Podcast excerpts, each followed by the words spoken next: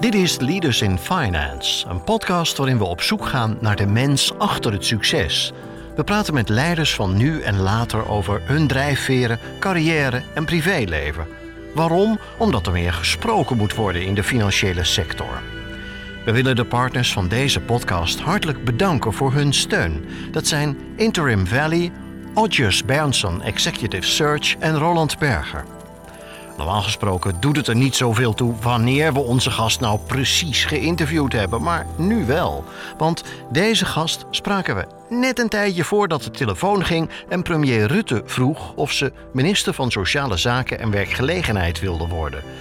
En zo'n soort telefoontje heeft ze al eens eerder gehad. Dat was toen premier Balkenende in 2003 belde met de vraag of ze staatssecretaris van Economische Zaken wilde worden. De impact die je hebt is natuurlijk enorm. En het, uh, in mijn geval ook hè, de internationale uh, contacten, want ik deed buitenlandse handel vooral.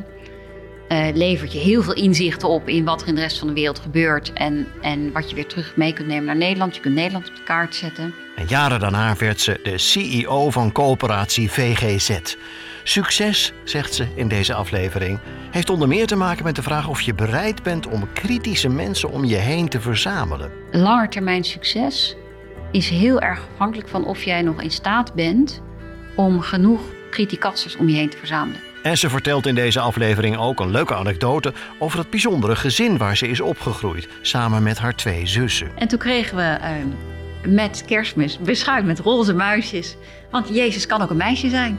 Onze gast werd in haar jeugd misdienaar, in een tijd dat het voor een meisje nog niet zo voor de hand lag. Later zocht ze bewust naar functies op plekken waar wat ging of juist moest gaan veranderen. Bijvoorbeeld bij de coöperatie VGZ.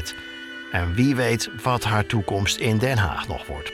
Onze gast is Karien van Gennep. Je gastheer is Jeroen Broekema. Welkom bij een nieuwe aflevering van Leaders in Finance. Deze week met Karien van Gennep, CEO van coöperatie VGZ. Welkom Karien. Dankjewel. Leuk dat je de tijd neemt hier in uh, Driebergen Grid Bloemenheuvel om uh, met Leaders in Finance in gesprek te gaan. Uitje, je... uitje van de week. Uitje van de week, ja, dat, is, uh, dat is, vind ik helemaal leuk om te horen. traditiegetrouw doe ik dat door eerst jouw naam te spellen. Dat is Karin, K-A-R-I-E-N en van en dan Gennep, G-E-N-N-I-P. En ter introductie het volgende. Karine heeft reeds een lange staat van dienst bij organisaties in de publieke, semi-publieke en private sector. Zo werkt ze bij McKinsey, bij de Autoriteit Financiële Markten, was ze staatssecretaris van Economische Zaken, Tweede Kamerlid en werkte ze voor ING, waar ze onder andere CEO ING Frankrijk was. Naast haar werk heeft ze vele non-executive rollen vervuld, zoals onder andere als toezichthouder bij Deltares, bij Cordate, bij SOS Kinderdorpen Nederland. En tot anderhalf jaar geleden was ze vicevoorzitter van de International Chamber of Commerce. En op het moment is ze naast haar rol bij VGZ actief bij onder andere TomTom Tom als commissaris. Is ze lid van het bestuur bij INSEAD en bestuurslid bij het Oranje Fonds. Ze studeerde natuurkunde in Delft en deed een MBA aan INSEAD. En wat ik aardig vond om te vermelden is dat Karin in 2008 werd verkozen tot Young Global Leader door het World Economic Forum. Karin is 53 jaar, is getrouwd, heeft vier dochters en woont in Oegstgeest. Tot slot, voor wie VGZ misschien niet heel goed kent, een aantal getallen die ik uh, gehaald heb uit het jaarverslag 2020.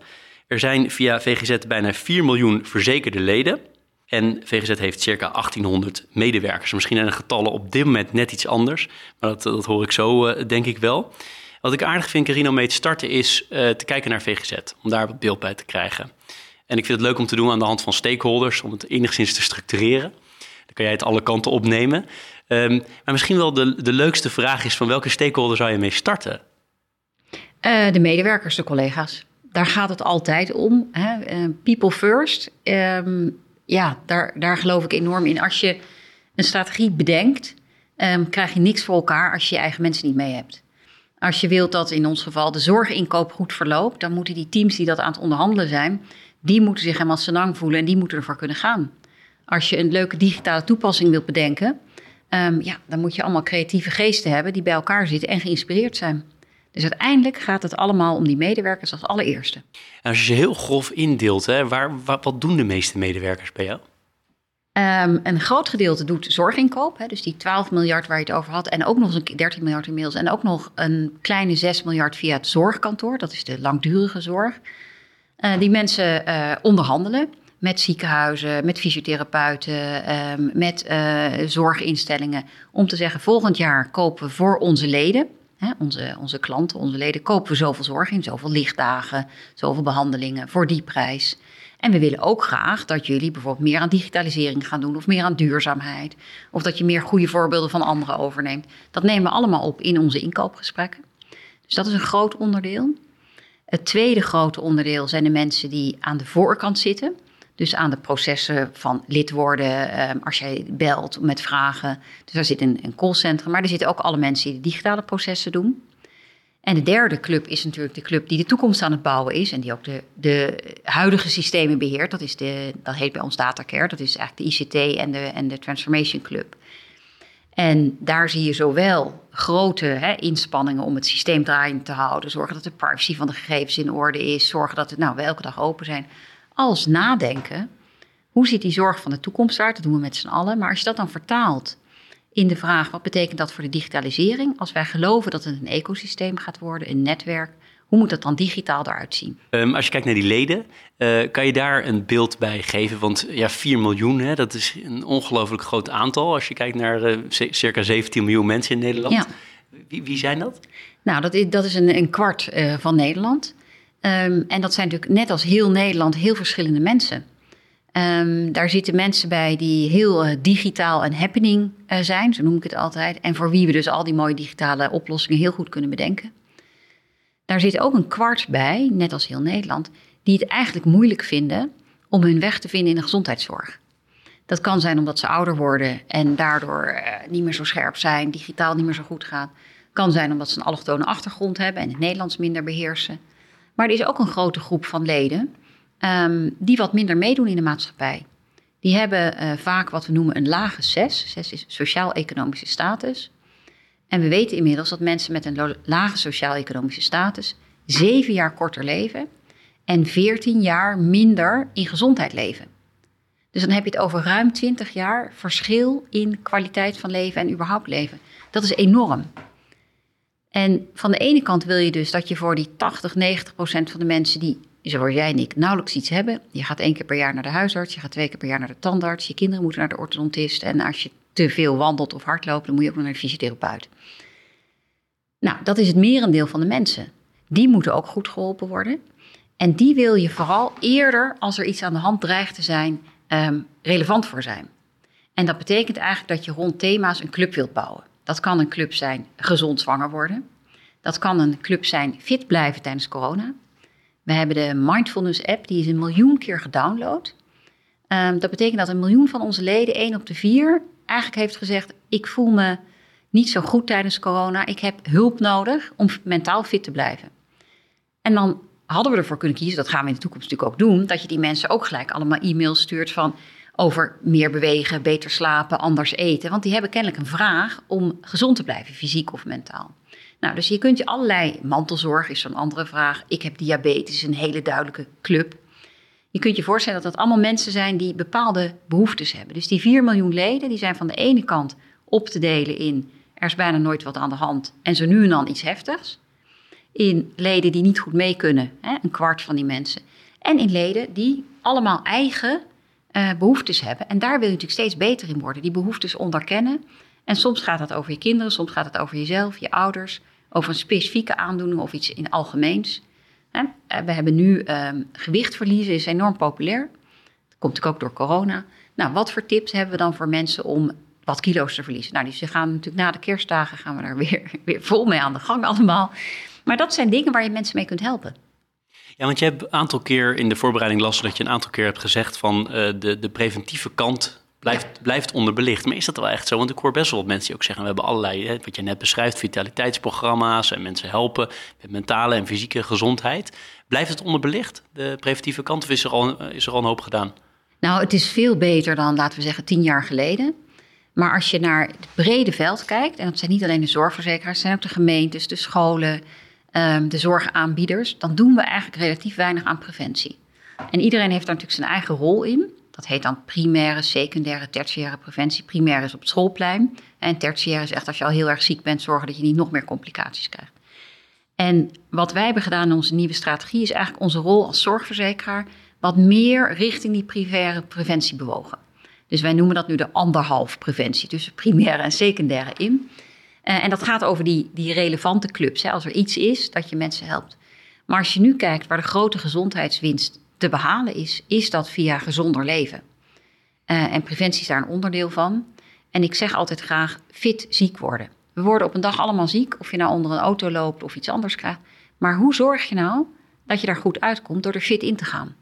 Dus fit ziek worden, hoe kunnen we met z'n allen zorgen dat we fit ziek worden, fit oud worden, fit zwanger worden, noem maar op. Want ook in die ouderenzorg, um, als je kijkt hoeveel mensen er straks over 10 jaar, hè, 65 plus zijn, laat staan over 20 jaar. Als we dat allemaal willen, willen kunnen bolwerken, is gezondheid en preventie een hele grote factor daarvan. Is jullie rol daarin groot? Onze rol daarin is nu nog niet zo groot.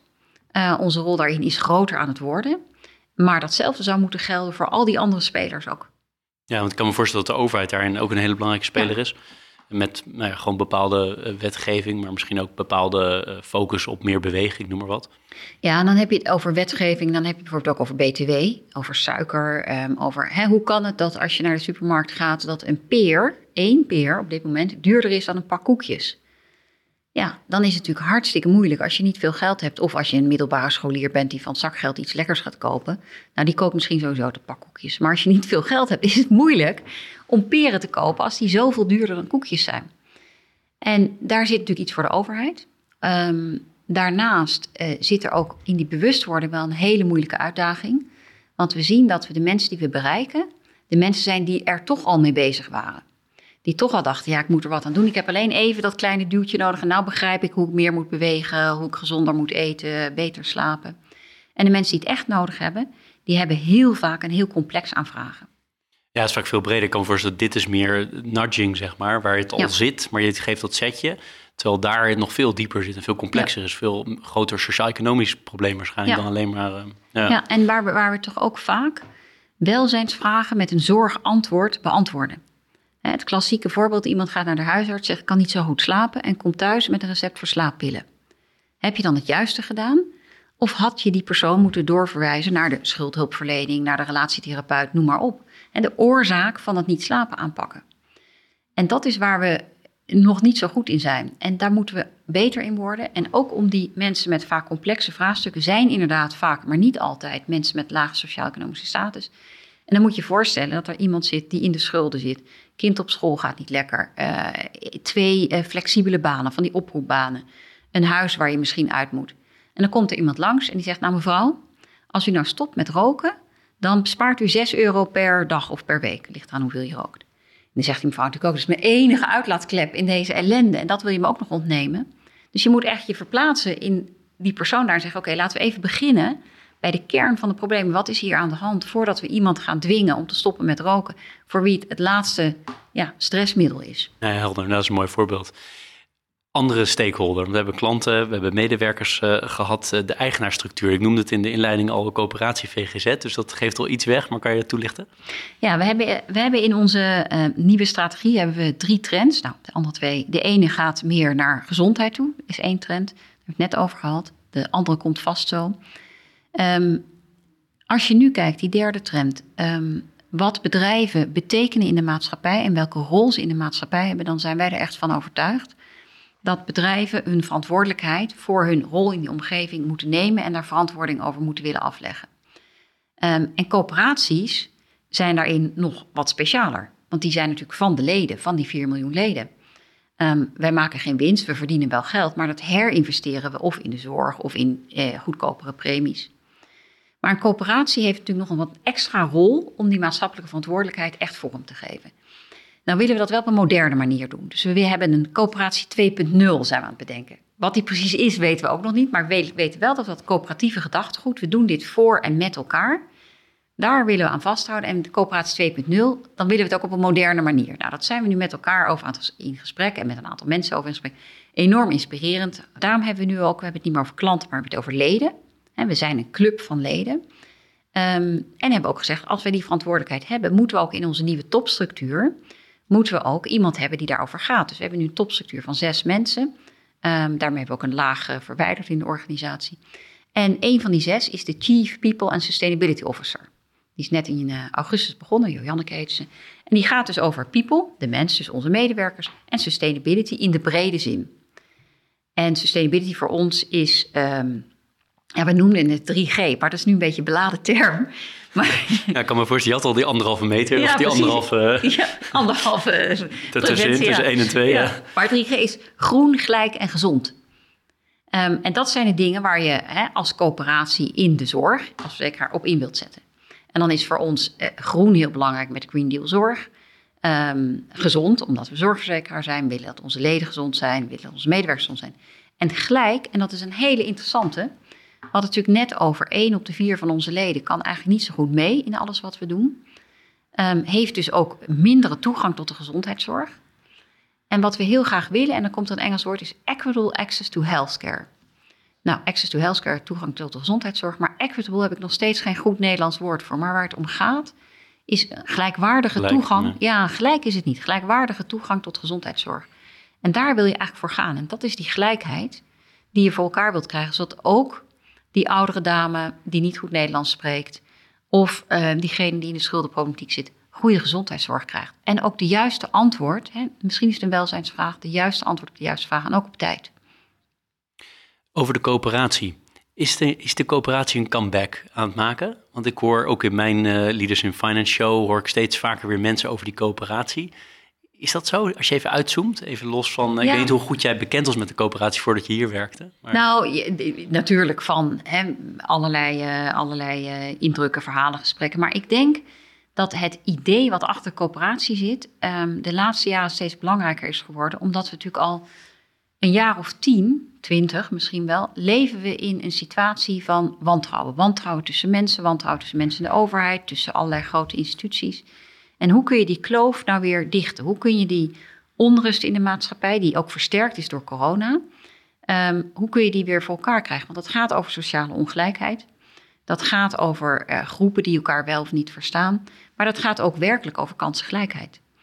Um, en dan is een coöperatieve gedachte, we doen het met elkaar en voor elkaar, die past daar natuurlijk bij. Want dan zeg je dus, we hebben dus niet een uh, winstoogmerk. We hebben niet uh, dat het teruggaat naar de aandeelhouders die helemaal niks te maken hebben met wat we hier met en voor elkaar doen. Je gaat terug naar die gedachte van honderd en zoveel jaar geleden, toen die coöperatie begon. We verzekeren ons met elkaar. Dat betekent dat we allemaal elke maand een klein beetje inleggen, zodat als één van ons onder de paard en wagen, was het toen nog denk ik kwam, dat we daarvoor kunnen zorgen. Maar ik denk wel dat die opmars gaande is. Ik denk dat je in de hele maatschappij, en je ziet het vooral bij de jongere generatie, een hele andere manier van denken uh, begint te ontstaan. Waar mensen zeggen: Ik doe dit niet alleen voor mezelf, ik doe dit ook voor de mensen om me heen. En dat kan over duurzaamheid gaan, dat kan over sociaal gedrag gaan. Ja. ja, we hebben het al gehad over die, la of wat mij betreft laatst, maar mogen meer stakeholders toevoegen uiteraard. Maar de samenleving breder, je hebt al heel veel plekken al geraakt. Missen we daar nog iets waarvan je zegt, wij willen een bepaalde rol in die samenleving spelen? Ja, ik zou er nog, eh, nog twee inderdaad aan toevoegen. De eerste zijn de zorgaanbieders. Um, daar hebben we het eigenlijk nog niet zo over gehad. Dat zijn dus die ziekenhuizen, die fysiotherapeuten, waar we zorg inkopen, waarmee we gesprekken hebben van wat moet er dan veranderen komend jaar of als we meerjaarcontracten afsluiten in de komende jaren in jouw zorgaanbod. Dat zijn voor ons hele belangrijke partners, want dat zijn degenen die uiteindelijk die zorg verlenen aan onze leden.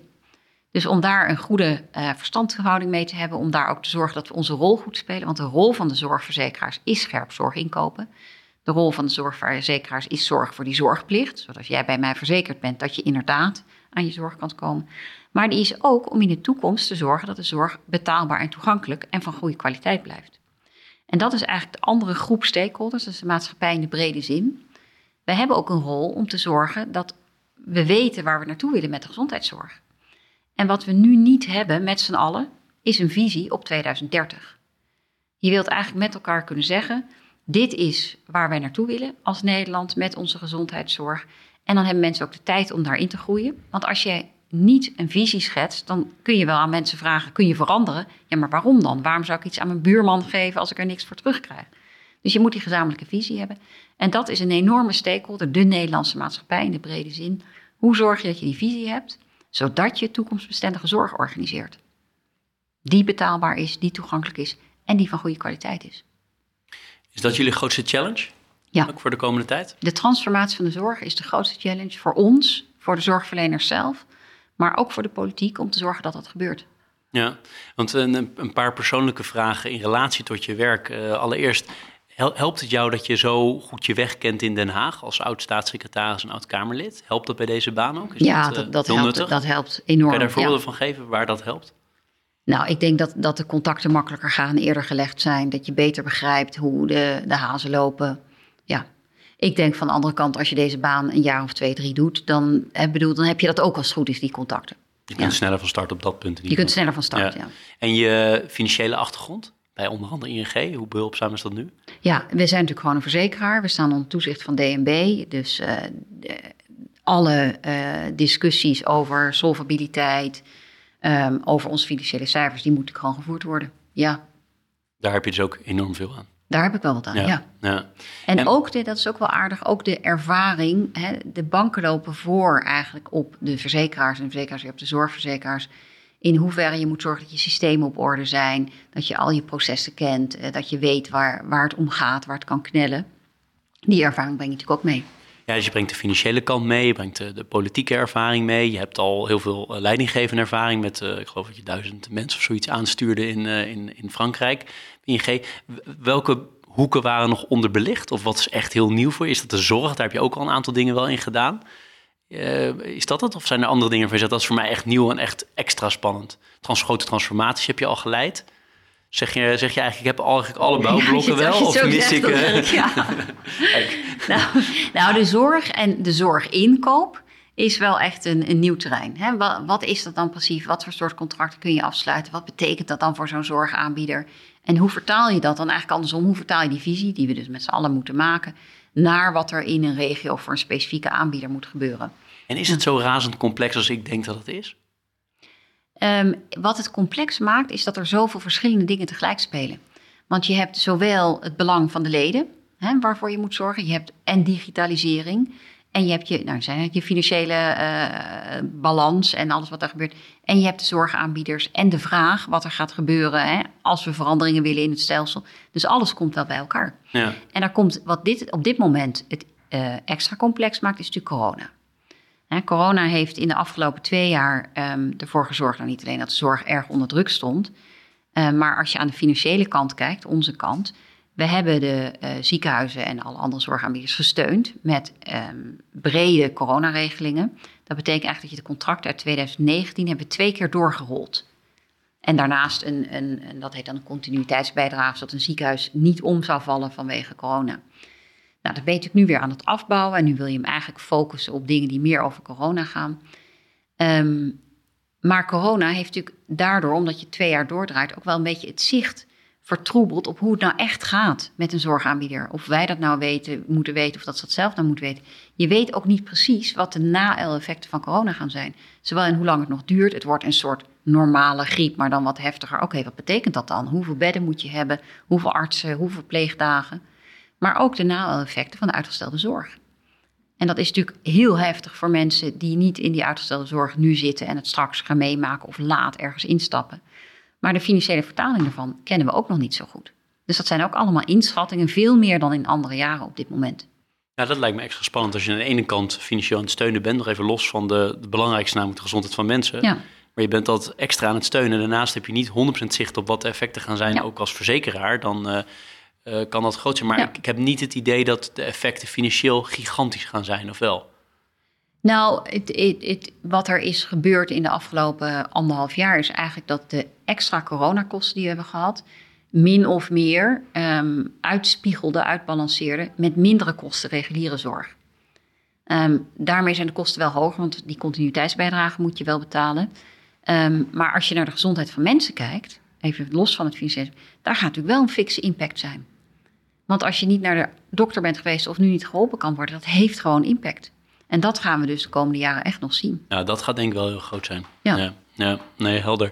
En dan maak ik altijd, uh, of altijd, maar vaak een wat abrupte draai in dit gesprek. Maar dat vind ik wel altijd een leuke, namelijk even helemaal terug naar uh, Carina's persoon. Uh, over hoe jij bent opgegroeid. Zou je daar iets over willen delen?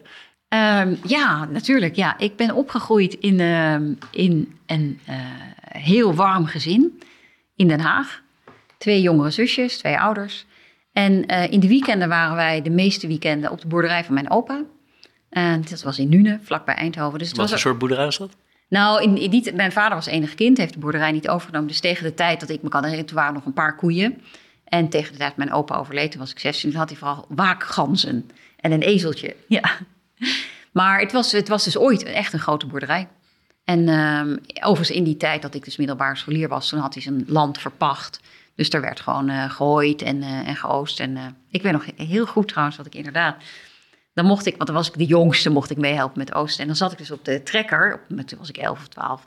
En dan op een gegeven moment ging mijn opa, die ging dan de bocht maken... of een van de neef van mijn vader. En ik mocht voor de eerste keer op een gegeven moment de bocht maken met de trekker. Oh, wat mooi. Ja, Mooi moment. ja. Ja. En verder, hoe, hoe groeide je op? Wat, deden je ouders? Wat, eh, Oh, nou ja, mijn, ehm, eh, mijn vader heeft heel lang in ontwikkelingssamenwerking gezeten. Ehm, en is daarna ehm, de politiek ook ingegaan voor het CDA. En mijn moeder, ehm, die deed ouderenbeleid bij de gemeente Rotterdam.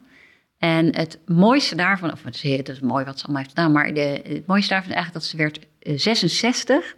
En toen moest ze stoppen met werken. In die tijd moest het nog, dus eerst was ze 63, ze zeiden ze al. Maar ze was natuurlijk een, ze heeft altijd parttime gewerkt. En eigenlijk toen wij het huis uit waren, toen is ze veel meer gaan doen.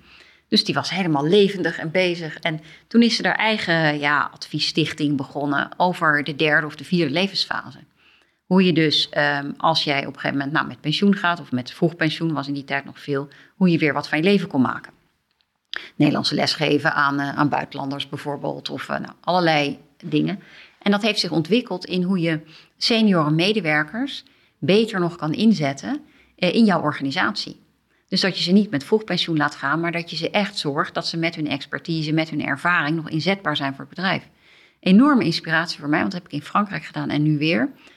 Ehm, ik vind dus echt dat mensen eh, zo lang mogelijk inzetbaar moeten blijven, omdat ze wat te bieden hebben. Ik denk dat het voor de mensen zelf ook fijner is, maar omdat er ervaring is. En dat hoeft dan niet altijd nog in die hoge functie die je ooit had, die misschien dan wat intensief wordt. Maar dan kun je prima een stap opzij doen en nog steeds heel waardevol zijn in de rol die je dan hebt. En ook wat onafhankelijker. Dat is ook wel typerend voor je moeder, dit voorbeeld, denk ik. Want dit voorbeeld kende ik niet meer. Wat ik wel las, is dat ze ook eh, met, rond kersttijd met eh, roze en blauwe muisjes Ja, kwam. ja. Zou je dat willen vertellen? Want ik vind dat zelf toch wel een heel mooi verhaal. Ja, nou, dus ehm, mijn, eh, mijn ouders die, nou, die hadden drie dochters, hebben drie dochters.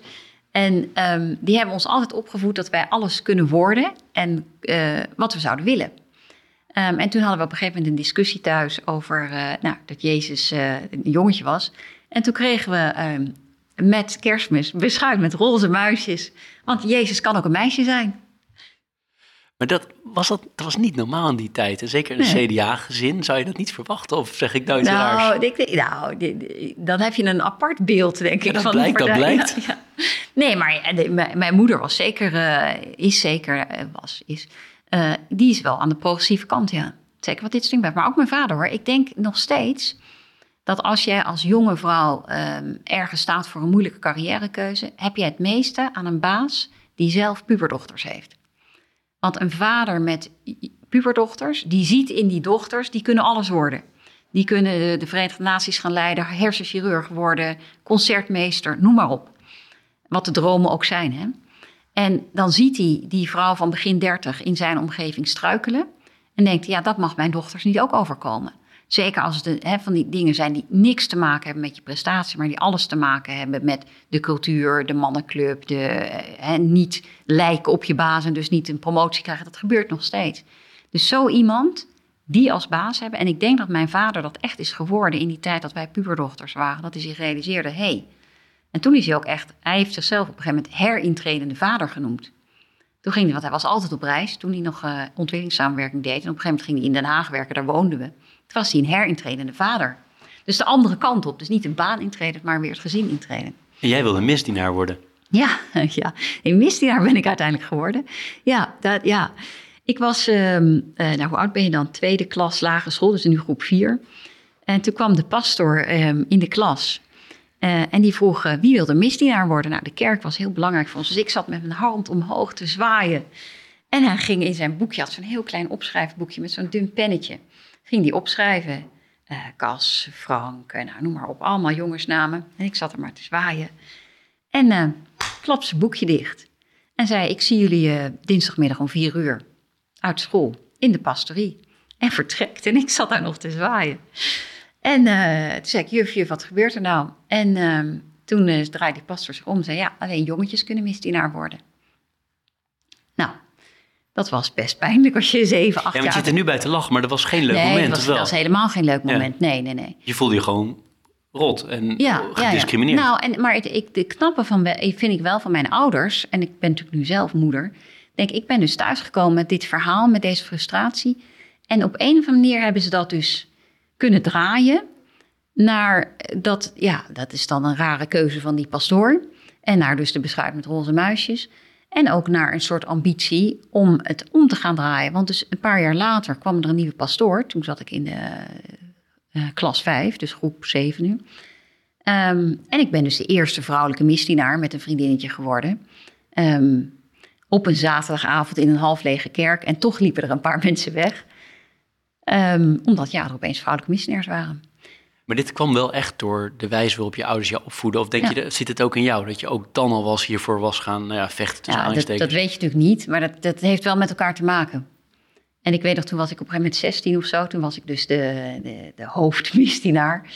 En toen zei de eh, pastor, die zei tegen mij... ja, ja, nee, het is toch wel fijn dat we allemaal vrouwelijke misdienaars nu hebben. Dat inmiddels was drie kwart eh, meisje. Want die zijn wat dienstbaarder. Toen dacht ik, oh, Ging het weer de verkeerde kant op. ja. En Ja. wat, wat, zijn, eh, wat zijn dingen die jij eh, verder hebt meegekregen vanuit je jeugd? Ik, ik hoor al een aantal dingen, de ontwikkelingssamenwerking, de, de, nou, de gelijke behandeling van man en vrouw, zal ik het dan maar even Ja. noemen.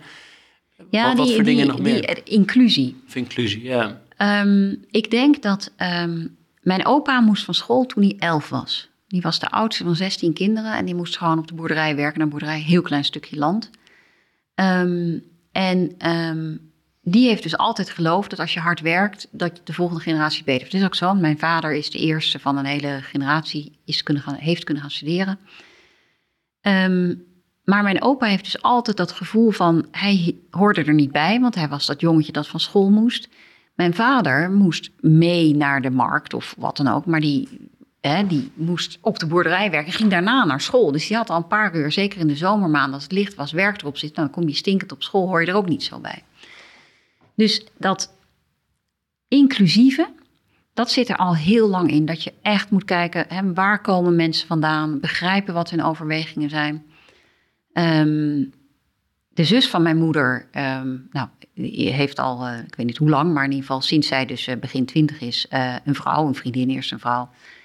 Ehm, dat heeft tot, bij mijn ouders in de familie niet tot discussie geleid, maar bij een neef van mijn moeder, de ouders daarvan wel. Met het gevolg dat mijn oma, dus van de andere kant dus, en haar zus elkaar jarenlang niet hebben gesproken. Want mijn oma vond dat dat wel moest kunnen, want het zijn je kinderen en daar houd je van. En haar zus vond van niet. Dus dat, dat gevoel van inclusie, van dat, dat iedereen erbij hoort, hoe je ook bent, waar je ook vandaan komt, enorme grote drijfveer. En de politiek, werd veel gediscussieerd?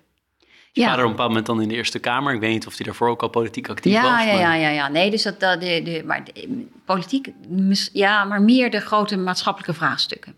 En zeker in die tijd van ontwikkelingssamenwerking, dat je een grondstof hè, uit Afrika haalt, er iets moois van maakt en het dan vervolgens veel duurder terugverkoopt aan hetzelfde land. Dat was altijd een klassiek voorbeeld. Maar ook, ik denk wel, het, het inzetten van je talenten. En dat als het dat het dus moeilijk wordt, dat je juist extra geeft. Ehm, en dat je dus het niet alleen voor jezelf doet, maar ook voor de wereld en voor de mensen om je heen. Ehm, dat, hè, je, je talenten gebruiken, dat, dat is ook een hele sterke. Die mee is gekomen uit mijn jeugd. Ja, Toen ben je gaan studeren. ja. Waarom natuurkunde? Waarom Delft? Waarom... ja nou, ehm, een, paar, een paar dingen. Maar de ene is toen wij dus op die, alsmaar op die boerderij waren in Nune en het regende, dan ging ik eh, wel eens naar het eh Evaluon in Eindhoven. Dus daar kwam mijn interesse voor techniek van. Ik vond het geweldig, daar achter die knopjes zitten. En het grappige is, mijn ouders hadden niks met techniek en de beta-kant, maar een neef van mijn vader wel. En ehm, die werkte bij DAF. Maar die vond het dus wel leuk, zo'n meisje, dat ook die knopjes leuk vond en die lichtjes. En, eh, ja. en het andere reden is eigenlijk dat ik op de middelbare school... ehm, ik vond het, het, ging erg makkelijk. Ik wilde iets doen wat me echt zou uitdagen, waar ik echt wat moeilijk zou zijn. En toen eh, een goede vriend van mijn eh, ouders, Vincent heette die, die ehm, kwam op een gegeven moment een boek over de vierde dimensie. Dus je hebt de nou ja, driedimensionaal ruimte en de vierde dimensie is tijd. Eh, en dat vond ik zo interessant. En dat je daar dan een wiskundige formule voor kon, kon maken. Nou, dus die twee dingen samen, toen dacht ik, het wordt Delft. Ging het je makkelijk af? Ja, Ja? ja, ja. En had je veel tijd voor andere dingen? Deed je veel andere dingen? Ja, ik heb ontzettend. Ja, ja de- de- dat is het mooie, vind ik, van studeren. En zeker in die tijd. Het is nu natuurlijk wel wat pittiger. Hè? Ook met het leenstelsel, maar ook met gewoon de tijden die je moet maken. Ik heb er ontzettend veel bij kunnen doen. Ik heb, ehm, nou, eh, al, niet al mijn vrienden, maar heel veel vrienden daar gemaakt. En ehm, ja, Ja, maar hoe, hoe omschrijf je studententijd? Was dus eh, veel feesten, mag ik het dan zo zeggen? Of ja, was ja, het veel, ja, ja. Of Ik, juist, ik, ik eh, hou wel van een feestje, ja. Dus ja, ja, ik hou wel van een feestje. En ook, het was ook wel leuk om in een omgeving te zitten waar er meer mensen waren die ook wel een beetje konden rekenen. Dus dan was het ook gewoon oké om eh, goede cijfers te halen en om, om het leuk te vinden om een project te doen. En om, ja, we hebben ons helemaal gek geprogrammeerd in die jaren. Maar ook gewoon om van alles te organiseren en te doen. Ja. Ja. En hadden je ouders bepaalde verwachtingen bij wat jij daarna zou gaan doen qua werk? Want je begon bij McKinsey. Ja, ja. Ja, als ik dan zo, wat ik nu hoor over je ouders, zou je dat niet de eerste Nee, baan nee, nee, zijn? daar- daar is daar wel- discussie over geweest? Nou, discussie niet, daar, maar dat is, dat is dan hun inclusie ook weer. Ehm, daar hebben ze wel even, even moeten denken, de, de wat ga je naartoe? ja, ja. Dus want die verwachten natuurlijk een, ja, een, een, NGO of een, eh, ja, iets internationaals. Dus geen coöperatie, McKinsey. Nee, nee, nee, nee. Dus dat was wel even een. eh, Maar dat was meer uit, uit interesse van: goh, wat, wat, wat doet McKinsey dan? Wat doe je daar dan allemaal? Hetzelfde toen ik bij, eh, bij, bij een bank ging werken. ehm, heeft mijn vader heeft een heel traject opgezet van sustainable finance. Wat betekent dat dan? Hoe, moet je, hoe kun je verantwoordelijk eh, bankier zijn, verantwoordelijk in de financiële sector werken? Heel apart traject opgezet omdat hij zich daar dan in gaat verdiepen en, en daarover gaat hebben. En dan zegt van nou, wat is er nou, wat kan er beter? Maar waar ik nieuwsgierig naar ben, je doet natuurkunde. Deze achtergrond, hoe kom je dan bij McKinsey terecht? Ja, dat, is een, een bekende vraag, maar veel natuurkundigen, of althans, ik moet andersom zeggen, bij McKinsey, in ieder geval in mijn tijd, waren de meeste mensen die er kwamen werken, hadden natuurkunde of wiskunde gedaan. Ja, dus dat was logisch. Ja. En, maar hoe kwam jij er terecht? Werd je, kwam iemand naar je toe en Ja. zei, wil je hier werken? Kende je ze al? nee, Dacht je, ik wil een dat strategie nee. nee, ik was, in? Of- ik was, was, ik denk anderhalf jaar voor mijn afstuderen of zo, kwam ik de recruiter van McKinsey tegen. En ehm, die zei, nou kom eens langs. En toen, ja, en toen heb ik drie gesprekken gedaan. En toen had ik ruim voor mijn afstuderen baan. En ik vond het ook zo interessant, want het was weer dezelfde werving natuurlijk. Als je heel slim bent, dan ga je bij McKinsey werken. Dat was een beetje de, de spiel, de aantrekkingskracht. Ja, dat was voor jou ook een van de Dat vond ik wel leuk, ja. En, en ik, ik, ik had dat interviewproces leuk gevonden. En, eh, en ook het, dat begin je dan natuurlijk wel al te begrijpen, want je doet ook wat stage en zo. Het, het wer en dat is ook zo, hè. als je afstudeert, het werken eh, met andere talentvolle mensen voor grote CEO's aan grote opdrachten, is wel een enorm mooie manier om je, om je carrière te beginnen.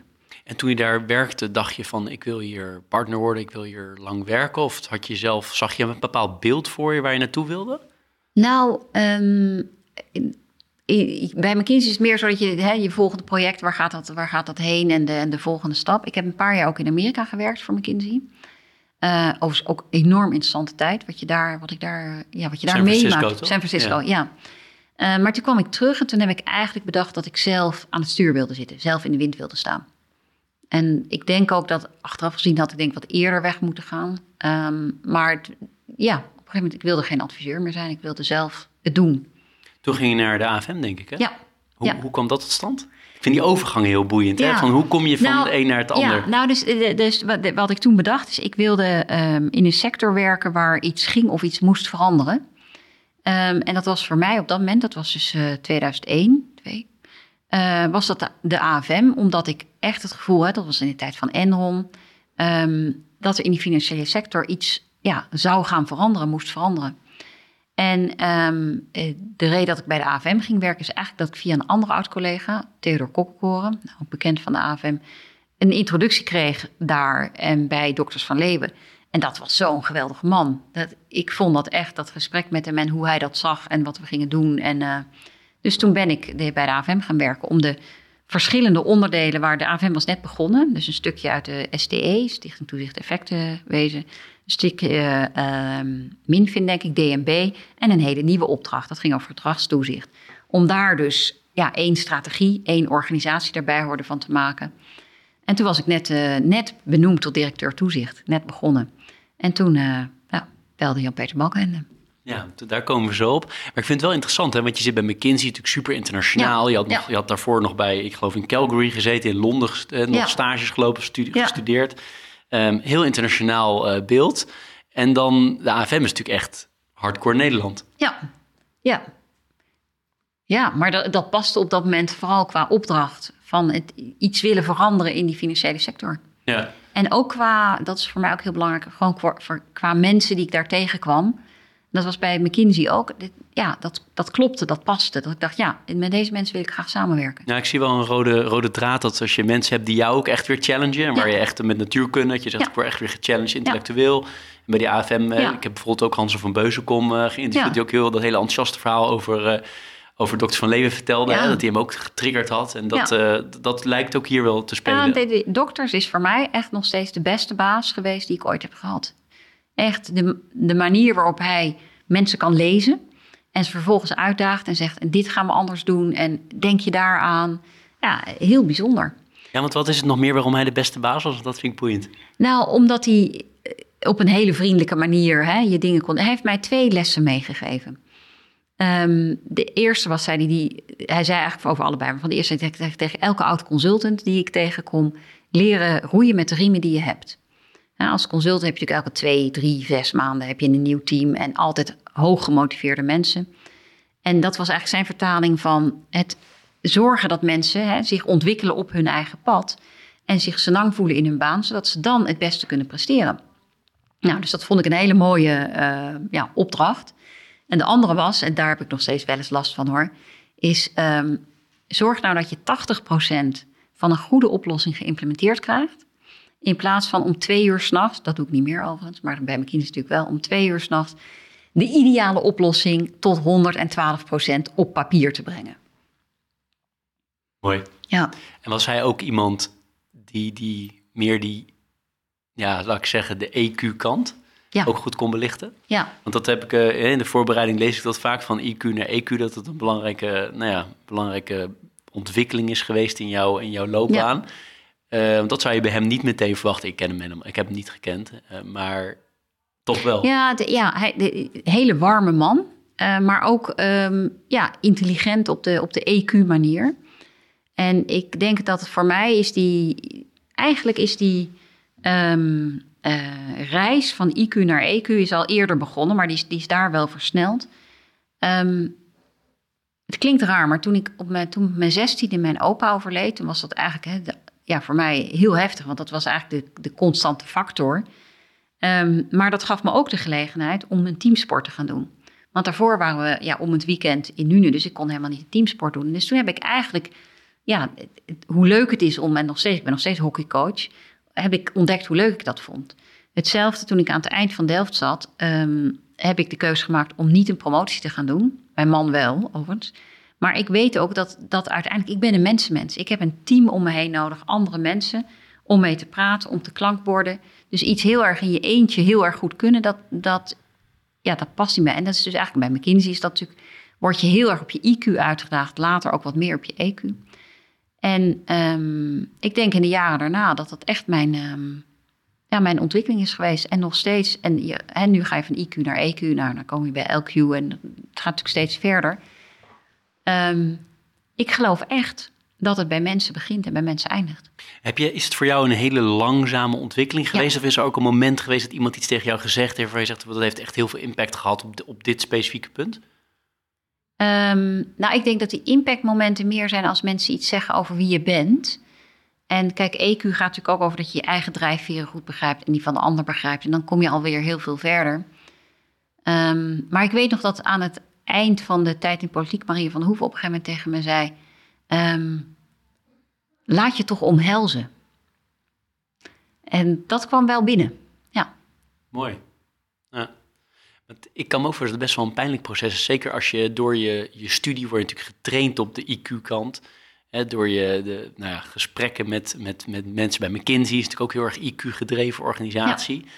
Ja. Um, maar dat ook pijnlijk is om op een bepaald moment daar afstand van te doen. Je moet je wel ook kwets, laat ik het zo zeggen, je moet je kwetsbaar durven opstellen. Ja. Dat is het eigenlijk, toch? Ja, maar dat, dat, dat is, ik ben vrij extravert, dus dat is niet zo moeilijk. En het is, nee, het, wat het mooie eigenlijk is, is dat als je natuurlijk het intellectueel benadert, um, dan is ook weer die reis door EQ, kun je ook weer heel analytisch aanpakken. En je hebt natuurlijk allerlei methodes. Hè? Uh, bij McKinsey was het MBTI, bij ING was, waren het de kleuren. Uh, bij VGZ doen we authentiek leiderschap. Ik heb zelf heel veel gehad aan het Enneagram. Maar zo heb je natuurlijk allerlei manieren waarop je jezelf kunt ontwikkelen. En dat leidt ook weer tot analyse. Maar je moet inderdaad wel bereid zijn om te zeggen: oké, Ah, wat dus kan ik wel goed en IQ-aanpak van de EQ-route. Ja, ja, ja, ja, Wat mooi. Je zei eerder, toen werd ik gebeld door, door uh, Jan-Peter Balkenende. Was je nog actief uh, aan de zijlijn in de politiek? Of kwam het echt uh, helemaal uit de lucht nee, vallen? Ik, ik was toen CDA Amsterdam bestuur. Je was al bestuur in Amsterdam ook. Ja, ja, nou ja, net, net eigenlijk. Dat was wel overigens een erg mooie tijd. Want we hadden een um, de, actief bestuur. Amsterdam, CDA Amsterdam is helemaal niet zo groot. In die tijd was helemaal niet zo groot.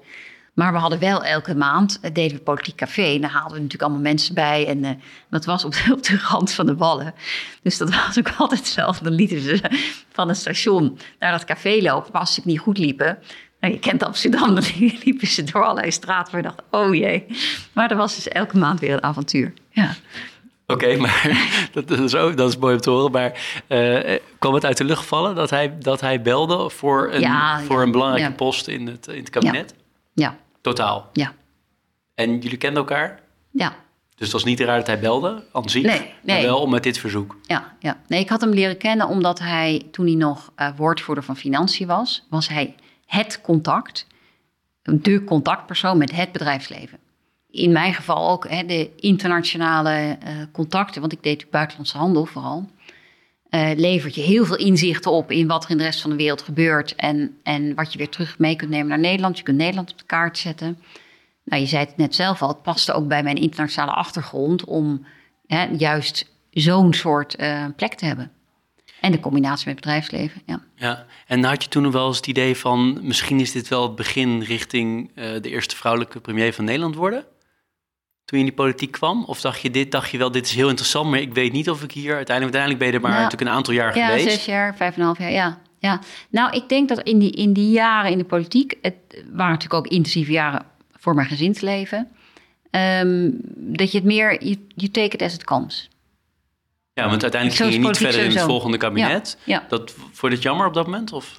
Ja, maar dat was wel een, van de ene kant wel. Van de andere kant was het wel een blessing in disguise. Dat ik eindelijk weer één, niet alleen tijd had voor mijn kinderen, maar twee ook op tijd um, nou ja, van het paard af was. Is zo heftig om te zeggen. Maar de, ik denk echt hè, dat mensen zeggen wel eens succesvol worden is één, succesvol blijven is twee. Maar uiteindelijk, langetermijn succes is heel erg afhankelijk van of jij nog in staat bent om genoeg criticasters om je heen te verzamelen. Um, en of dat nou in de politiek is of in het bedrijfsleven. Um, maar als je in een lange tijd in een leiderschapsrol zit, is dat echt de uitdaging voor iedereen. Hoe doe je dat praktisch? Um, nou, ik, ik kijk mezelf nu elke vrijdag aan. Denk, heeft er behalve mijn puberdochters nog iemand mij tegengesproken deze week? En als dat niet zo is, denk ik, daar moet ik dus meer ruimte voor geven. Um, want uiteindelijk, als je langetermijn impact wil hebben, lukt dat alleen als je met de mensen om je heen de juiste dingen doet. En die juiste dingen doen met de juiste mensen. Dat, in het begin is dat natuurlijk nog wel, ben je zelf ook nog heel kritisch. Dan heb je allemaal nieuwe inzichten, je 100 dagen lessen, hè, je eerstejaarsprogramma. Maar ja, na jaar twee, jaar drie, dan kan dat sleet worden. En dan moet je dus Zie je voor het veel jezelf... je heen? Bestuurders ja. van organisaties waar je denkt... hé, hey, daar is het echt al veel te ver gegaan richting ja, te weinig ja, reflectie. Ik geloof ook echt in, in benoemingstermijnen van twee of drie keer. Niet, uh, niet van vijf of zes keer. Of überhaupt geen, uh, geen eindtermijnen. Um, en ik denk dat je ook... Je moet twee dingen doen. Hè? Je moet die criticasters om je heen blijven verzamelen. En je moet zo nu en dan bereid zijn om jezelf opnieuw uit te vinden. En dus ook een nieuwe businessopdracht weer vinden. Na twee, drie jaar dan heb je je nieuwe strategie. Dan denk je, nou, nu moet ik eigenlijk een, op een volgende S-curve gaan zitten op iets anders. En dat is overigens ook wel interessant. Iemand die dat heel goed kon, was Nick Hu. Van, uh, was mijn baas bij ING Nederland. Die is, is jarenlang, heeft hij ING Nederland geleid. Nu zit hij in Duitsland. Uh, die kon echt elke twee, drie jaar um, ja, met een nieuw businessconcept komen. Wat we dan gingen invoeren. Waardoor hij ook zichzelf weer opnieuw uitvond. Um, en dan blijf je fris en scherp. Je ging daarna naar ING. Als je nu even helemaal terugkijkt op al die verschillende banen, een hele, heel super interessant. Bijna niemand die denkt die hele, die hele verschillende werelden heeft gezien. Alleen de wetenschap dan nog niet, maar dan Ja. wellicht via je man. Maar Ja. ehm, als je naar nou kijkt, waar ben je nou het meest eh, trots op Nou, van alles wat je gedaan hebt? Op mijn, op mijn kinderen. Ja. Ja. Ja, En zakelijk? Of ja, die, die mag, die mag je ook toelichten. ja, vind ik nee, nog maar leuker. ja, vind ik ook nog leuker die- wellicht. Die Maar, oudste van mij, die is nu eh, die is eh, 17, bijna 18. Is een kop langer dan ik. Ja, die is eindexamen aan het doen. Ja, die is allemaal zulke gave dingen aan het doen. Mooie discussies. En dan, eh, ik heb een tweeling van 15. Daar ben ik ook de hockeycoach van. Ja, die, die zijn in coronatijd echt pittig. Maar hoe die hun leven opbouwen, hoe die toch hè, door die ontwikkeling heen gaan, hoe die toch proberen een sociaal leven te hebben en tegelijkertijd school goed te doen. En dan weer achter hun scherm moeten zitten omdat er weer een quarantaine is. Hartstikke knap. En dan heb ik nog een kleintje van 11, nou net 12. Kleintje, nou, Ja, dus het is al niet klein. Nee, precies. Oh, jee, ja. Gevaarlijk. hartstikke groot, ja. Ja. Ja, maar dat, dat vind ik echt, eh, dat, is, dat is echt mijn grote trots. Ja. En in je loopbaan, wat motiveert je het meest? Want je bent, heel, je bent duidelijk heel ambitieus. Impact hebben. Ja, dingen kunnen veranderen. Ja. Voor die organisatie, voor de samenleving breed? Of? Voor allebei eigenlijk. Voor de organisatie, hè, als een organisatie het moeilijk heeft voor die organisatie. Ehm, als mensen weer gaan glimmen omdat ze dingen voor elkaar kunnen krijgen, dat, daar word ik heel blij van. Maar de impact op de maatschappij, als wij het voor elkaar kunnen krijgen, dat we echt een visie 2030 kunnen ontwikkelen als zorgveld gezamenlijk. En die kunnen implementeren, waardoor die zorg in Nederland hè, goed blijft. Ja, dat zou wel heel erg gaaf zijn. En wat ik, wat ik boeiend vind is dat jij bent duidelijk bereid om veel uren te maken in al die banen, om hard te werken, om je echt heel erg te focussen en onder te dompelen en je snel alles eigen te maken, anders kan je deze, al deze banen niet functioneren. En wa- wat is daar dan de, de drijfveer onder, nog één laag dieper? Wat zit daarachter? Onder de, alle dingen die ik erbij doe, bedoel je? Ja, nou, die je erbij doet en ook de banen Ja. die je zelf doet. Dus Ja. daar moet, moet je een enorme drive Ja, hebben, anders dan ga je er nooit goed in worden. Is dat allemaal impact gedreven of zit er nog een laag onder wat jou extra Ja, er motiveert? is ook wel een beetje, misschien is dat ook wel een gedeelte, ik weet niet of het IQ of EQ is, maar ik wil heel graag begrijpen hoe het zit. Ik heb een enorme dorst naar het, het begrijpen hè, hoe zo'n zorginkomen dan werkt, of hoe je je solvabiliteit berekent, of wat er dan vorig jaar was, waarom het dan nu anders loopt. I don't take things for granted. Ik heb altijd een pleaser en een teaser, want we zijn zo leuk aan het praten. Voor je het weten eh, praten we nog heel, heel tijd door wat ik zou al zo willen. Maar moet het wel een beetje nog eh, voor jouw eh, agenda behapbaar houden. En de teaser en de pleaser. Nou, de pleaser komt zo. En aan de teasende kant heb ik opgeschreven... de coronacrisis heeft ook lessen in zich... voor hoe zorgverzekeraars georganiseerd zijn in Nederland. Dus niet per se over VGZ, maar breder dan dat. Ben je het daarmee eens of niet? Nou, gedeeltelijk wel. Ik, ik denk dat het heel gezond is voor Nederland als we teruggaan naar normale zorginkoop. En normale verhoudingen tussen de zorgverzekeraars en tussen de zorgaanbieders. Want wat ik wel zie nu is, ook zorgaanbieders willen het zelf. Als we echt dingen willen veranderen, en of dat nou voor digitalisering is, duurzaamheid, eh, goede voorbeelden van elkaar overnemen, dan heb je gewoon die drijfveer van, van individuele inkoop nodig. Want daar kun je het afspreken. Maar dat is niet per se een les. Dat is eigenlijk terug naar Ja, maar dan is een pre-crisis. les. Nou, de ene les is ja, er moet meer samengewerkt worden en kun je een heel eind komen. De andere les is, er zijn wel een aantal dingen die we terug willen van voor de crisis. Oké, en, en wat willen we echt niet terug? Zijn die dingen er ook?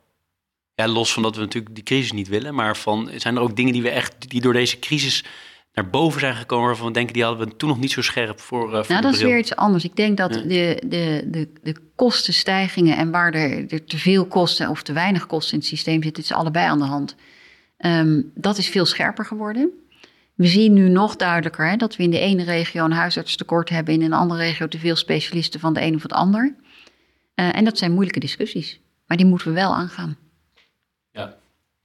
Aan de pleasende kant. Heb altijd dezelfde vraag aan iedereen. Ehm, lees je graag? En Ja. zo ja. Heb je bepaalde boeken die ofwel toen je jong was of nu of eh, daartussenin... die heel veel impact hebben gehad of die je graag geeft aan mensen... of het nou Ja. privé is of zakelijk? Ja, nou, ik, ik, ik lees heel veel. Eh, ik vind het heerlijk. Ehm, ik moet wel zeggen dat het laatste jaar steeds vaker in de vakantie is, omdat het gewoon ertussendoor niet meer zo lukt. Maar het boek wat ik aan mijn Franse collega's heb gegeven toen ik eh, op een gegeven moment daar wegging, eh, dus ja, wat is het, anderhalf jaar geleden, eh, was De Ontdekking van de Hemel van Harry Mulisch in het Frans vertaald. Ah, Ja. heb je hem ook zelf ook in het Frans gelezen? Nee, nee, nee, ik heb hem in het Nederlands gelezen. Nee. En ik ben nog steeds benieuwd wat ze ervan vinden. Maar ik weet wel, een van mijn, uh, een van mijn collega's, Emelines, die heeft hem inderdaad gelezen. Maar die was wel een beetje in verwarring daarna. Ah. Een peu de confusion. Ja, want hoe komt het dat je zo goed Frans spreekt? Nou, daar geleerd, ja. Ja, dus van tevoren neem je natuurlijk Franse les. Maar ik, ik had twee jaar middelbare school Frans op zitten. Ik was beta, ja. Niet nou ja, ik vond het knap werk. Ik heb een paar filmpjes van je zien. Niet dat mijn Frans zo goed is, maar ik klonk heel goed. Ja, maar het is natuurlijk het mooie, hè, dat de Nederlanders kunnen mijn Frans heel goed volgen. Ja, precies. Dat zegt iets over hoe simpel mijn Frans is. Ja. fair enough. En, en eh, dat boek is voor jou echt een, een belangrijk boek? Ik vind, dat, ja, ik vind dat... Ik hou heel erg van Harry Mulisch. Ik hou sowieso van echte, zwaar, een beetje zware Nederlandse literatuur. Um, maar het, het, is voor mij, eh, ja, hoe lang geleden kwam het uit? 20, 25 jaar geleden? Nou, echt wel lang geleden. Ik vond het echt zo'n, zo'n ja, weet je, een boek waar alles in samenkwam. Alle thema's, alles is natuurlijk ook zo dik.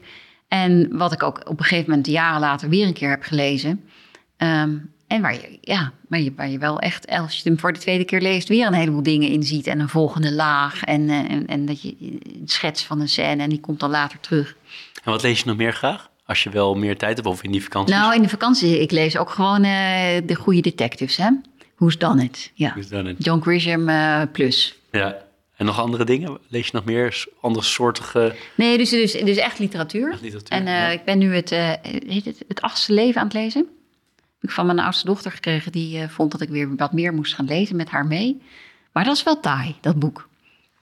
Ik weet je bent er nog niet doorheen? Nee, nee, nee. Dat is, is, van, is uit Oekraïne of Georgië, die schrijfster... die dus de Oost-Europese geschiedenis beschrijft. Ik ben nu bij de Praagse Lente... En um, ja, het is wel van een duisternis. En het, ja, de een na de ander die komt natuurlijk in het gevangen, gaat dood, overlijdt. Het is, uh, ja, het is wel donker. Dus daar ben ik op een gegeven moment, want ik was hem deze zomer aan het lezen. En um, ik had net corona gehad, dus het was ook allemaal niet zo best. En dan zo'n donker boek lezen. Toen heb ik hem maar opzij gelegd. Toen ben ik weer gewoon, uh, ik weet niet meer wat, en de, de Baldacci geloof ik gaan lezen. Iets van gewoon... Ja, lijkt me niet echt op beuren als je nee. corona doorheen bent. Um, iets wat ik aan iedereen gevraagd heb, want ik spaar ze op, is: uh, heb je tips voor starters op de arbeidsmarkt? Ofwel specifiek in de financiële sector, want dat is toch de, de niche waarin ik vooral opereer. Maar mag ook veel breder zijn. Wat, wat voor tips zou je hen willen meegeven? En als, het, um, als je het niet heel breed wil trekken, mag je ook zeggen: wat zou je jezelf hebben meegegeven toen je startte, als je met de kennis van nu. Ja, in de breedte zou ik zeggen: doe iets wat je echt leuk vindt, waar je hart ligt. Daar ben je meestal beter in. Um, wees niet, um, um, wees niet te bang om, om hard te werken. En om ook soms, hè, niet 100% van je werkend leven is altijd leuk. Het overgrote dieren moet wel leuk zijn. Maar als je ook 10% corvée moet doen, moet je dat gewoon doen. Hoort erbij. En als je een keer onderuit gaat, gaat het niet om hoe hard je valt, maar hoe je weer opstaat. Heb je dat ook in je eigen ervaring? Dat je soms, um, uh, ik kan bij mezelf herinneren in mijn eerste banen, dat ik soms helemaal, nou devastated klinkt wel heel zwaar, maar dat ik echt dacht van, oh god, hoe is dit misgegaan? En uh, dat je echt er dagenlang bijna ziek van was, dat er iets misging. Herken je dat ook? Of uh, heb ja, jij dat nooit ja, gehad? Ja, ja, nee, dat je altijd nee, meteen weer opgeveerd ja. en... nee, ja, ja het optimisme, dat, dat komt wel weer terug. Of althans, dat is er altijd. Maar het, het balen van dat natuurlijk iets niet gesgaan is zoals je wil, ja, dat is heel menselijk. En dat, dat heb ik ook. Heb je nog steeds? Ja, dan ga ik een stukje hardlopen en dan... Uh, dan is het weg. Ja, nou ja, dan ja. dus de oplossing komt en dan denk ik, oh ja, zo gaan we het aanpakken. Ja, ja. ja. mooi. Geef je die tips ook aan je dochters of uh, die vragen er, vragen er niet op? Ja, die, die, dat is wel interessant. Die van uh, 12, die is nog erg in uh, wat vindt mama ervan? En die van 17 begint dat weer te zijn. Maar die twee van 15, maar we hebben het eerder gehoord, puberdochters is het beste wat je kan hebben als je bestuurder bent. Ja. Dus, uh, of uh, puberkinderen misschien. Ja. Dan houd je in ieder geval scherp, ja. Um, richting het einde uh, nog een paar dingen over privé-werkbalans. aan de ene kant zeg je van mijn kinderen, dat is het meest fantastische wat er is. Even mijn woorden hoor, is niet jouw quote. Maar aan de andere kant heb je een enorme, nou ja, steile loopbaan met hele zware functies, nu, nu nog steeds. Met allerlei commissariaten daarnaast. Hoe manage je dat? Ja, um, goed plannen. Um, ook de thuismomenten goed plannen. Ja, dus het, en het is nu wel makkelijker. Hè? Ik zit nu, nu bij het uitje van de week, maar met corona zit je natuurlijk thuis. Dus je kunt veel makkelijker even mee eten en daarna weer iets gaan doen. Um, dus dat maakt het wel makkelijker. van de andere kant is het soms ook moeilijker met al dat thuiswerken, dat het veel meer in elkaar overloopt. Maar echt tijd maken voor de momenten. Hè, dat hockeycoach is gewoon heilig op zaterdagochtend. Is het altijd gelukt, uh, ook toen, nee, ze, toen jong nee. waren? Want je man werkt, werkte ook fulltime? Of? Ja. ja. Nou, in Parijs uh, niet. Toen was hij echt er voor ons. Dus dat was ook wel heel prettig. Maar dat heeft ook een risico in zich. Dat je dan makkelijker toch weer een avondje dit, een ochtendje een ontbijt uh, meepakt. En als dat, dus als het meer in balans is, dan moet je zelf ook meer, of moet je, wil je zelf ook meer thuis zijn. Ja, het lukt niet altijd. En uh, ik hoop dat, ik hoop, nou, ik weet wel zeker dat ik te horen krijg op het moment dat het niet lukt. Maar heb je bepaalde tips? Hè? Want ook, uh, ook vraagt ook om egoïstische reden. Ik heb zelf ook vier kinderen. Ja. Van het soms wel, wringt het wel. Van ik wil dit doen, ik wil daar Ja. zijn. En eigenlijk wil je het allebei doen. Maar ja, ik, heb op ergens... een gegeven, ik heb op een gegeven moment gewoon een paar dingen ook opgegeven. Hè, als je, toen ze veel kleiner waren, zei ik van nou, ik werk en ik heb de kinderen en dat is het. Ehm, inmiddels ben ik wel zover dat ik denk, ik heb ook dingen voor mezelf nodig. Of dat nou sport is of vriendinnen. Eh, want dat, je moet ook, hè, het verhaal over dat eh, in dat vliegtuig, je moet eerst zelf je eh, zuurstofmasker opzetten voordat je de ander kunt helpen. Dus je moet ook wel voor jezelf dingen hebben. Ehm, en je moet in je agenda gewoon hele harde kruisen zetten. Door wat het belangrijk is. Woensdagochtend ga ik gewoon altijd eerst hardlopen. Dus ja, voor half tien komt er geen afspraak in mijn agenda. Nou, nu moet het soms wel woensdag, dan ga ik op donderdag hardlopen. Maar de, woensdag of donderdag wordt er gewoon hard gelopen. En toen ik in Parijs zat, ging ik dan eerst ontbijten met de kinderen en dan hardlopen. Nou, nu zie ik ze toch elke dag, omdat alles thuiswerken is. Maar, dus dan kun je al wat vroeger gaan hardlopen. Maar dat, dat soort dingen moet je doen. En um, ik weet nog dat ik op een gegeven moment een enorm belangrijk ding vond ik zelf in Parijs had. Het was het gezin al net terug verhuisd. was een schooluitvoering. En uh, daar ben ik toch naartoe gegaan. En toen ging die schooluitvoering natuurlijk niet door. Of althans, dat was allemaal het begin van corona. Maar het feit dat ik het had gedaan, dat ik iets had opgezegd in Parijs om erbij te kunnen zijn, gaf mezelf al een heel goed gevoel, maar natuurlijk voor mijn dochter ook. Ja. Is het nu makkelijker dan in het begin van je loopbaan? Ja, ik heb nu natuurlijk veel meer macht over mijn eigen agenda. En is dat het, of is het ook omdat je zegt van ik, ik, ik heb meer zekerheid dat ik het toch wel ook wel manage? Ja, het is ook de ervaring dat ik weet dat ik, uh, wat ik moet doen om een afspraak voor te bereiden en hoeveel tijd ik daar ongeveer voor nodig heb. Dus je kunt het beter inschatten. Maar het is ook wel gewoon in een positie zitten waarin ik kan zeggen van nou, uh, vanavond kan ik niet. En dat is denk ik aan het begin van je loopbaan soms moeilijker om te zeggen dan als je al, uh, al een bepaalde positie hebt. Um, en zo nu en dan word ik natuurlijk ook gewoon geleefd door de agenda van iemand anders. Dat gebeurt ook. Krijg je veel energie van de, de commissariaat en dingen die je ernaast doet? Ja, ja. ja. Ja op heel verschillende manieren. Hè? Want Oranje Fonds is natuurlijk echt heel erg mooi. Qua, dat zijn hè, duizenden sociale initiatieven door heel Nederland heen. Als je sociale cohesie hebt en hoe zorg je dat mensen echt ertoe doen, meedoen. Zeker in tijden van corona is eenzaamheid natuurlijk een heel groot thema. En mentale problemen ook. Uh, inclusie. Um, nou, TomTom ben ik net begonnen. Dat is natuurlijk heel interessant. Digitaal, uh, high-tech. Uh, van wat gebeurt er in die wereld? Wat kan ik daarvan leren? Um, en Instelt is mijn, een van mijn alma ata's. Dus dan is het ook leuk om daar te zijn. En wat het mooie daar is, en dat hetzelfde was bij de ICC... is in zo'n internationale omgeving met mensen die in een andere cultuur of economische ontwikkeling staan... om te horen wat er daar speelt. En, en bij het Instelt zijn dat natuurlijk professoren die iets komen vertellen... Um, maar ook het besturen van een universiteit is toch weer anders. Leer je ook weer dingen van. Ja. Leuk. Laatste, of ene laatste vraag. De toekomst. Zie je jezelf uh, uiteindelijk als je niet meer in de, in de executive rol zit... die commissariaten kant op gaan? Of zeg je nee, ik blijf nog uh, heel lang uh, CEO... of ooit wil ik weer de politiek in? Of, ik, um, ik stel de commissariaten nog even uit. Ik zit nog heel erg lekker gewoon in een doelrol. Ja. Helder. Maar op de hele lange termijn zie je jezelf nog een bepaalde richting in bewegen? Ja, kijk, ik denk wel. Uh, het is natuurlijk ontzettend leuk om mijn ervaring op een gegeven moment, hè, en dan zeg ik maar even gekschierend op mijn zeventigste, in te zetten voor anderen. En dat kan zijn uh, door uh, meer commissariaten te gaan doen. Dat kan zijn omdat je een bepaalde manier coaching aan jonge talenten gaat geven. Maar ik zit nu gewoon nog lekker zelf aan het stuur. Laatste vraag. Ik heb ongelooflijk veel mogen vragen. Ik ga je daarvoor zo bedanken. Mijn laatste vraag is, heb je iets waarvan je zegt... ja, Jeroen, het toch jammer dat we het daar niet over gehad hebben... of ja, jammer dat je dat niet gevraagd hebt? Nee, volgens mij, de patiëntenrevolutie hebben we nog even ingefietst. Ja. uh, nee, ja. Dan wil ik je heel hartelijk bedanken. De luisteraars kunnen het niet zien, maar hier ligt een um, klein koffiepresentje van uh, Bocca Koffie, een uh, B Corp gecertificeerd bedrijf. Ga ik zo aan jou, aan jou geven. Um, heel erg bedankt. Ik weet dat ik heel lang heb doorgevraagd, maar ik vond het ook ongelooflijk leuk om er naar te luisteren.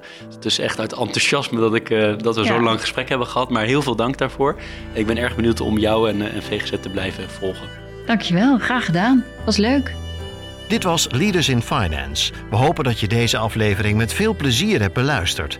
We stellen je feedback erg op prijs. Wat houdt je bezig en over wie wil je meer horen? Laat het weten via een Apple of Google review. Dat kan ook via de sociale media kanalen of direct via een e-mail. We kunnen het enorm waarderen als je dat doet.